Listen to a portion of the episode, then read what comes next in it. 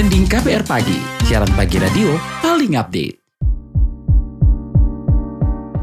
KBR Pagi, siaran pagi radio paling update. Selamat pagi, apa kabar Anda hari ini di hari Kamis, 1 Desember 2022.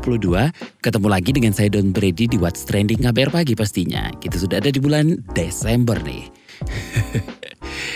By the way, selamat Hari AIDS sedunia. Gimana? Sudah mau posting atau tweet dukungan bagi teman-teman HIV atau AIDS? Yuk kita dukung dan lawan stigmanya.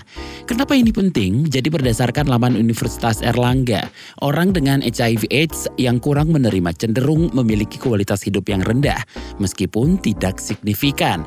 Kurangnya dukungan sosial memiliki efek negatif pada fisik dengan HIV atau AIDS atau ODA. Nah, stigma terhadap ODA memiliki dampak yang besar bagi program pencegahan dan penanggulangan HIV/AIDS, termasuk pada kualitas hidup ODA.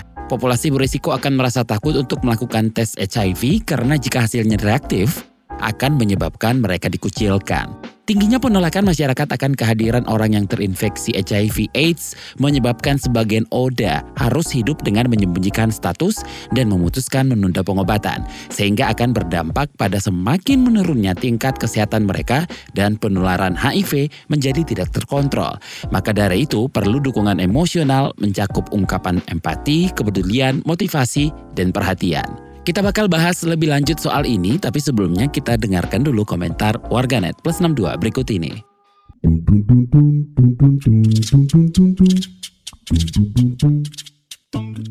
Kita ke komentar at DR Priyono 1. Hari AIDS sedunia mengakhiri penyakit dengan prinsip kesetaraan. Lanjut ke komentar at Sucipto XX. Selamat Hari AIDS sedunia. Satukan langkah cegah HIV, semua setara akhiri AIDS. Ke komentar at Media XX. Layanan pemeriksaan dan pengobatan pengidap HIV AIDS di puskesmas dibuka gratis. Lanjut ke at Iras XX. Menjelang Hari AIDS sedunia, hari ini gue melakukan pembiusan sesar pasien dengan HIV. Makin hari, makin sering melakukan anestesi pasien HIV. Semoga rumah sakit tempat gua kerja dapat terus memberikan akses layanan kesehatan yang mudah tanpa diskriminasi bagi Oda. 3-0. Lanjut at Profesor Zubairi, dua tahun lalu konferensi internasional AIDS Jayapura bersama para ahli dan sejumlah tokoh menghasilkan 11 butir kesimpulan. Salah satunya gerakan berani tes HIV, sebab hasil positif bukanlah akhir dunia. Pengobatan dini akan memiliki hasil yang lebih baik lawan stigma ke at Atamerika. Tahukah kamu bahwa satu dari tiga perempuan mengalami kekerasan fisik oleh lawan jenis orang asing sekalipun pasangan sendiri? Resiko mengalami kekerasan baik fisik maupun verbal bahkan meningkat 50% untuk perempuan penyandang AIDS akibat stigma negatif.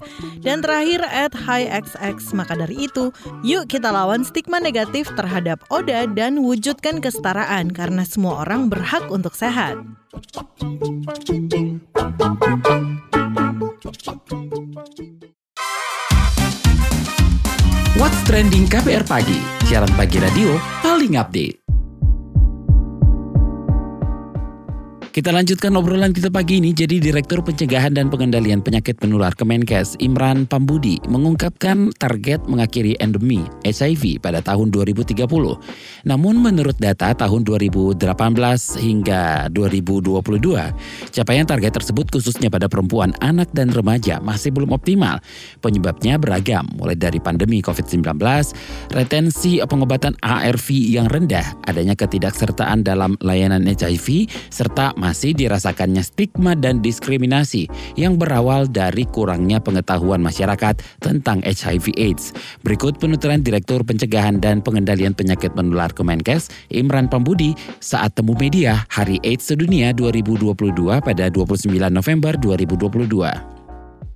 Jadi tujuan penanggulangan HIV itu adalah mengakhiri epidemi HIV pada tahun 2030 dan ditandai dengan tercapainya 3 yaitu zero infeksi baru, zero kematian, dan zero stigma atau diskriminasi. Dan jalur cepat yang ditempuh Indonesia untuk mengakhiri epidemi ini adalah dengan mencapai 95% dari tiga hal tadi, yaitu 90% orang dengan HIV yang mengetahui status HIV-nya, 95% orang dengan HIV yang diobati, dan 95% orang yang diobati tadi mengalami supresi virus. Tetapi teman-teman lihat di sini bahwa permasalahan saat ini mungkin lebih banyak pada bagaimana kita bisa melakukan follow up ya, pada orang-orang yang sudah ditemukan positif tetapi belum masuk ke dalam pengobatan. Begitu pula orang-orang yang sudah mengalami pengobatan itu harus dicek juga bagaimana kondisinya, apakah virusnya dengan pengobatan itu sudah tersupresi. Jadi dua hal ini yang perlu dikerjakan lebih fokus lagi yaitu terkait dengan ODIF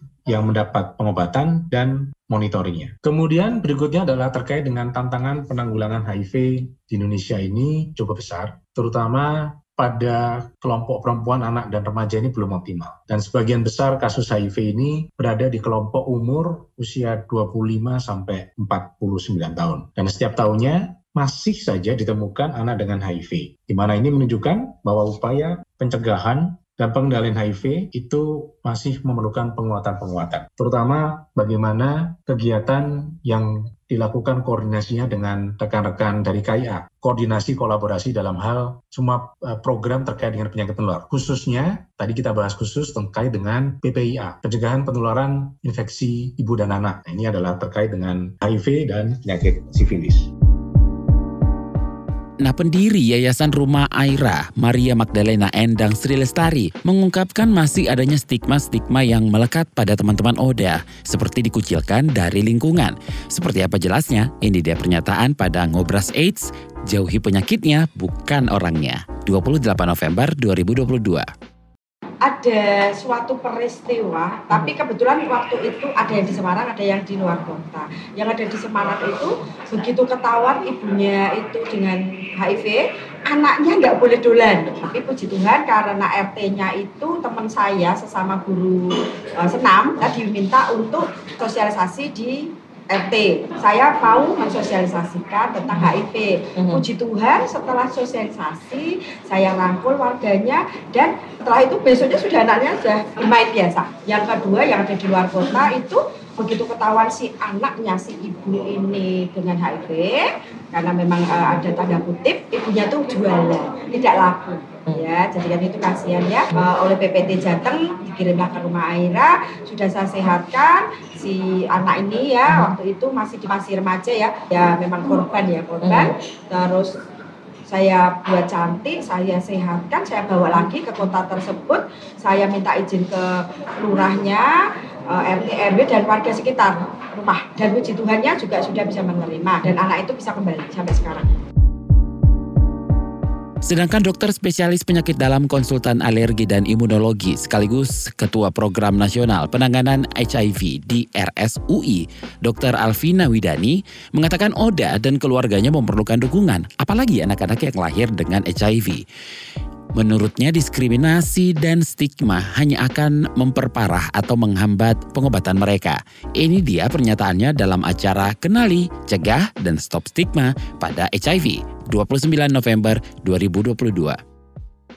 Nah, keluarga yang terkena dampak HIV ini baik karena anggota keluarganya yang terkena juga butuh dukungan gitu ya, karena tadi dampaknya sangat berat baik secara sosial, ekonomi, apalagi kalau misalnya tadi ada anak yang lahir dari ibu yang terkena HIV dan dia terinfeksi HIV juga itu jangka panjangnya sangat berat gitu. Jadi penting support dari keluarga dan juga dari lingkungan yang tahu gitu ya dan jangan sampai kemudian dicap buruk atau diskriminasi gitu karena belum tentu tadi misalnya anak-anak dengan HIV tersebut atau ODA tersebut dia tertular karena karena perilaku yang beresiko gitu. Jadi belum tentu dia tertular karena perilaku beresiko. Bisa aja tadi tertular dari ibu yang uh, mengandungnya atau tadi dengan pasangan yang uh, seksual yang memang tidak berganti-ganti juga dia bisa tertular gitu ya. Jadi itu yang harus diperhatikan.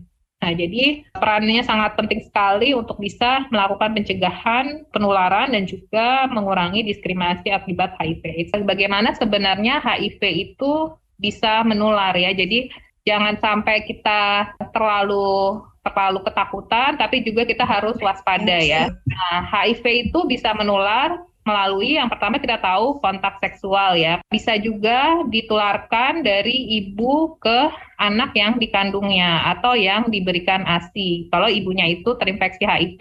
Kemudian juga bisa melalui tadi jarum suntik yang dipakai bergantian pada pengguna narkoba suntik atau juga bisa ada paparan dari pekerjaan. Jadi kayak petugas kesehatan Nah, kadang-kadang kita itu mengalami kecelakaan resiko kecelakaan kerja. Jadi misalnya ada jarum suntik dari pasien yang terkena HIV, kemudian tidak sengaja tertusuk jarum suntik tersebut. Nah, itu juga beresiko tertular. E, transfusi darah, kalau dia memang, makanya kalau dia memang ada, kalau pada transfusi darah, kalau memang dari pasien terinfeksi ya, itu beresiko menularkan. Makanya dilakukan screening. Jadi pada orang-orang yang donor darah itu, kemudian dilakukan tes dari darahnya apakah terinfeksi HIV atau tidak gitu ya. Jadi tidak boleh kemudian dia mendonorkan darahnya.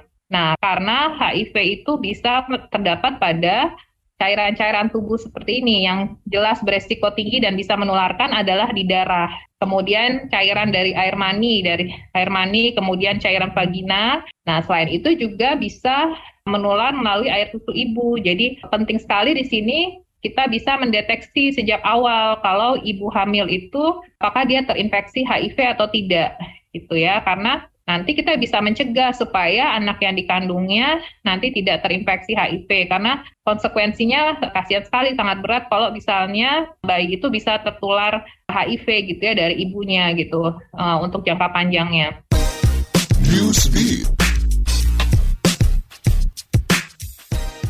Tiongkok memperketat keamanan di wilayah usai masyarakat berdemo dan mendesak Xi Jinping mundur dari jabatannya. Melansir Reuters, kepolisian Tiongkok menyiagakan aparat keamanan di titik-titik lokasi demonstrasi. Bahkan mereka menghentikan para pejalan kaki dan orang-orang yang lewat untuk diperiksa ponselnya. Sebelumnya, akibat penguncian wilayah tak berkesudahan, warga Tiongkok memprotes pemerintah di ibu kota Beijing dan Xinjiang. Warga yang marah dan lelah akan penerapan lockdown untuk menekan penyebaran COVID-19 pun menyerukan penghentian penguncian wilayah. Sekitar 5.000 film klasik Bollywood bakal direstorasi. Badan Arsip Film Nasional India NFAI mengatakan pihaknya berencana merestorasi film. Beberapa film yang direstorasi adalah Pratip Wandi alias The Adversary tahun 1970 dan Satraj Ke Khilari atau The Chess Players tahun 1977. Melalui National Film Heritage Mission, film-film lawas India akan didata berdasarkan waktu penayangannya. Mereka juga ber berencana memulihkan kualitas gambar dan suara dari film-film tersebut. Rencananya, India akan melakukan pelatihan pengarsipan film menggunakan web. Hal ini dilakukan lantaran Bollywood ingin menunjukkan pentingnya pelestarian film.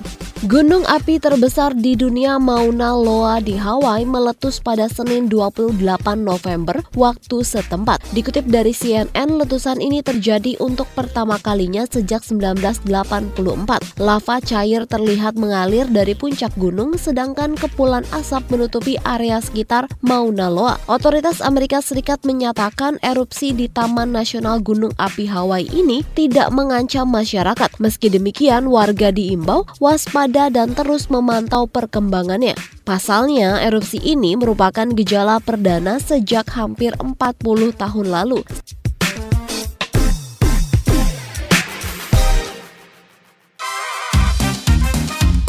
What's Trending KPR Pagi, siaran pagi radio paling update. Lawan stigma pada HIV AIDS lewat media sosial, itu yang kita obrolin pagi ini. Nah lantas di era digital seperti sekarang, bisakah media sosial berperan serta untuk melawan stigma yang masih kerap menimpa Oda. Soal ini kita ngobrol bareng aktivis dari Indonesia AIDS Coalition, Ferry Norila. Mas di 2022 ini masih ada nggak sih stigma-stigma yang diterima teman-teman HIV atau AIDS? Salah satu upaya kami di program penanggulangan HIV itu kan salah satunya adalah pengurangan stigma dan diskriminasi begitu ya. Jadi ada yang namanya kampanye, ada yang namanya pelatihan-pelatihan, ada yang namanya sensitisasi dan sosialisasi ke petugas kesehatan atau komunitas. Jadi semua upaya itu dilakukan untuk mengurangi stigma dan diskriminasi. Nah, tapi semua upaya itu tidak pernah bisa menghilangkan yang namanya stigma dan diskriminasi begitu ya. Makanya setiap nama kegiatannya itu disebutnya mengurangi stigma dan diskriminasi diskriminasi, bukan menghilangkan atau mengeliminasi stigma dan diskriminasi. Jadi tidak bisa kita pungkiri yang namanya stigma dan diskriminasi itu akan selalu ada. Bisa kita lihat masukan atau misalnya diskusi sama teman-teman misalnya gitu ya. Masih ada saja masyarakat yang misalnya menolak orang dengan HIV gitu atau misalnya bahkan petugas kesehatan yang memberikan stigma buruk atau diskriminasi terhadap orang dengan HIV gitu. Jadi masih ada saja. Nah, bagaimana dengan penggunaan media sosial? Mereka sudah aware belum? Konten-konten HIV/AIDS yang tersebar di uh, media sosial sudah mengedukasi dan berpihak pada Oda? Kebetulan kita punya beberapa media sosial keterlibatan dari audiens itu cukup besar ya. Salah satunya ada yang namanya Oda Berhak Sehat ya. Oda Berhak Sehat ini sebenarnya open open public ya, jadi bisa dilihat oleh siapa saja karena kita berusaha untuk menormalisasi HIV. Jadi kita pengen isu-isu HIV itu menjadi umum. Di dalamnya juga ada teman-teman orang dengan HIV gitu. Jadi mereka bisa mendapatkan informasi tentang pengobatan, mendapatkan informasi mengenai testing-testing viral load, CD4 begitu di dalam media sosialnya. Hal kalau mengenai apakah media sosial yang ada sekarang sudah membantu untuk menghilangkan stigma dan diskriminasi, membantu betul. Jadi bisa membantu sekali karena sudah semakin banyak informasi-informasi gitu ya, baik informasi secara materi ataupun testimoni testimoni dari teman-teman orang dengan HIV gitu ya. Dengan masifnya penggunaan media sosial ini makin terbuka dan tolerankah masyarakat? Sentimennya terhadap Oda gimana? Seberapa besar peran media sosial melawan stigma? Ketika mereka ada masalah dengan masyarakat gitu terus mereka curhat gitu ya saya di stigma diskriminasi di kampung saya gitu ya. Terus nanti dari member lain itu ngasih masukan nih ngasih masukan begini caranya e, cara kamu untuk menghadapi masyarakat atau cara kamu menghadapi keluarga bagaimana tidak stigma gitu ya. Sehingga mereka dikasih informasi dan akhirnya mereka juga menerapkan apa yang sudah disampaikan oleh teman-teman yang lainnya stigma itu bisa hilang atau e, diskriminasi itu bisa bisa hilang. Jadi poinnya adalah ketika kita berusaha untuk menghilangkan stigma dan diskriminasi kita harus memberi informasi kepada orang yang stigma kita gitu. Karena sebenarnya stigma dan diskriminasi itu muncul karena ketidaktahuan, karena ketakutan gitu ya, karena kekhawatiran tertular gitu. Ada nggak sih hoax-hoax yang tersebar di media sosial uh, soal HIV/AIDS? Apa contohnya?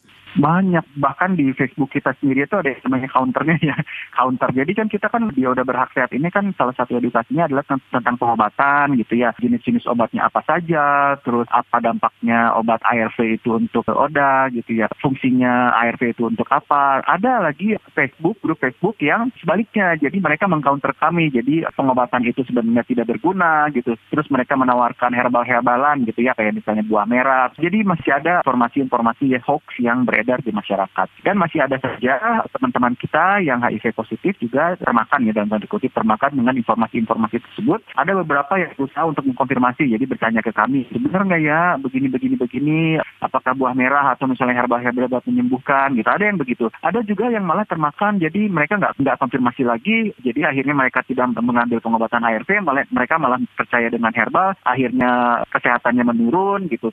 Setelah menurun baru mereka mereka nanya-nanya gitu ke kita. Banyak juga yang karena informasi-informasi hoax itu teman-teman kita juga meninggal karenanya. Nah di hari AIDS sedunia ini apa yang mesti dikampanyekan lagi? Kesadaran apa yang mesti dibangun?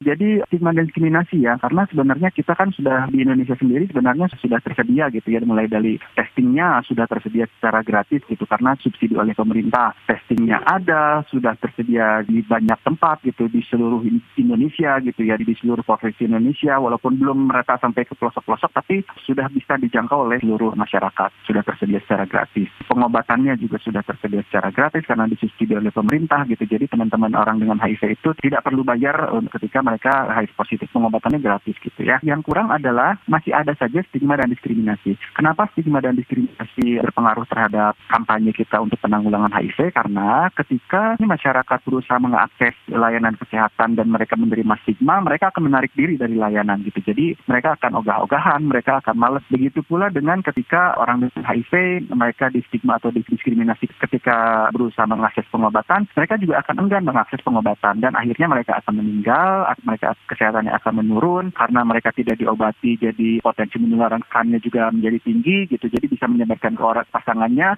Jadi stigma dan diskriminasi itu sangat bereratan dengan penanggulangan HIV masyarakat juga berperan penting dalam stigma dan diskriminasi ketika masyarakat memberikan stigma dan diskriminasi kepada orang dengan HIV atau misalnya orang yang berusaha mengakses tes dampaknya akan sama dengan ketika stigma dan diskriminasi itu ada di layanan. Jadi teman-teman juga enggan gitu malu gitu ya. Kalau misalnya saya tes HIV di puskesmas nanti ketahuan sama sama tetangga saya saya malu gitu. Atau misalnya ketika saya akses pengobatan di puskesmas ini ada tetangga saya saya malu gitu. Akan lebih baiknya kalau misalnya masyarakat dapat menerima dengan baik pengobatan HIV testing HIV jadi kita semua bisa memperlakukan HIV sebagai hal yang biasa. Hal yang biasa itu dalam artian bahwa kita sudah tidak perlu malu sudah tidak perlu takut dan khawatir ketika kita mau memeriksakan diri HIV atau mengobati HIV kita.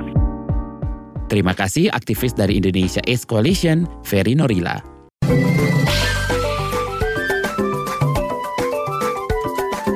WhatsApp Indonesia.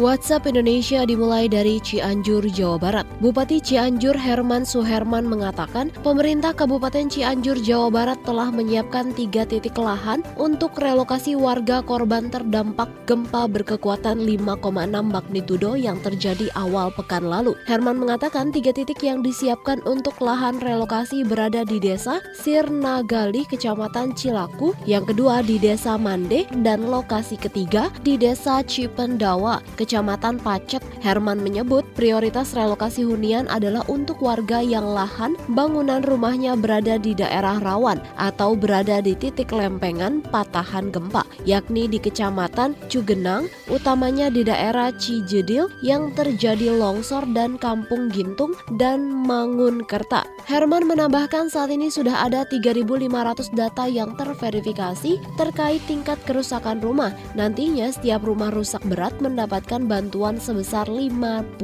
juta rupiah, rusak sedang 25 juta rupiah, dan rusak ringan 10 juta rupiah. Ia menargetkan dalam waktu 5 sampai 6 hari ke depan tim bisa menyelesaikan verifikasi data tersebut. Selanjutnya menuju Kalimantan, Presiden Joko Widodo mengajak seluruh pihak menjaga stabilitas keamanan jelang tahun politik. Jokowi meminta masyarakat agar menghindari perpecahan dan adu domba jelang pemilu 2024. Jokowi juga mengingatkan pada pemimpin Indonesia terpilih agar menjadikan perbedaan dan keberagaman sebagai kekuatan bukan kelemahan masih dari Kalimantan. Minat investor ke pembangunan ibu kota baru IKN diklaim meningkat. Klaim ini disampaikan Kepala Badan Otorita IKN Bambang Susantono usai rapat dengan Presiden Joko Widodo di Istana. Bambang mengatakan tingginya minat investor ditandai dengan penuhnya kuota pada area yang sudah ditentukan. Kata dia, awalnya terjadi kenaikan 25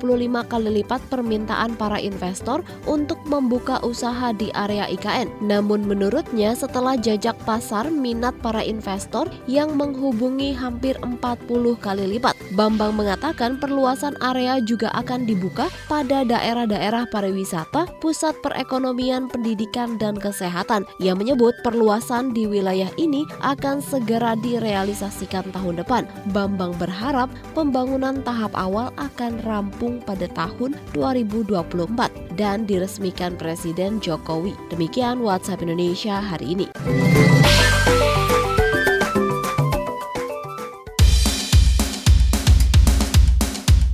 Terima kasih sudah mendengarkan. Jangan lupa follow dan share. Dan terus dipamit. Besok ketemu lagi. Stay safe. Bye-bye.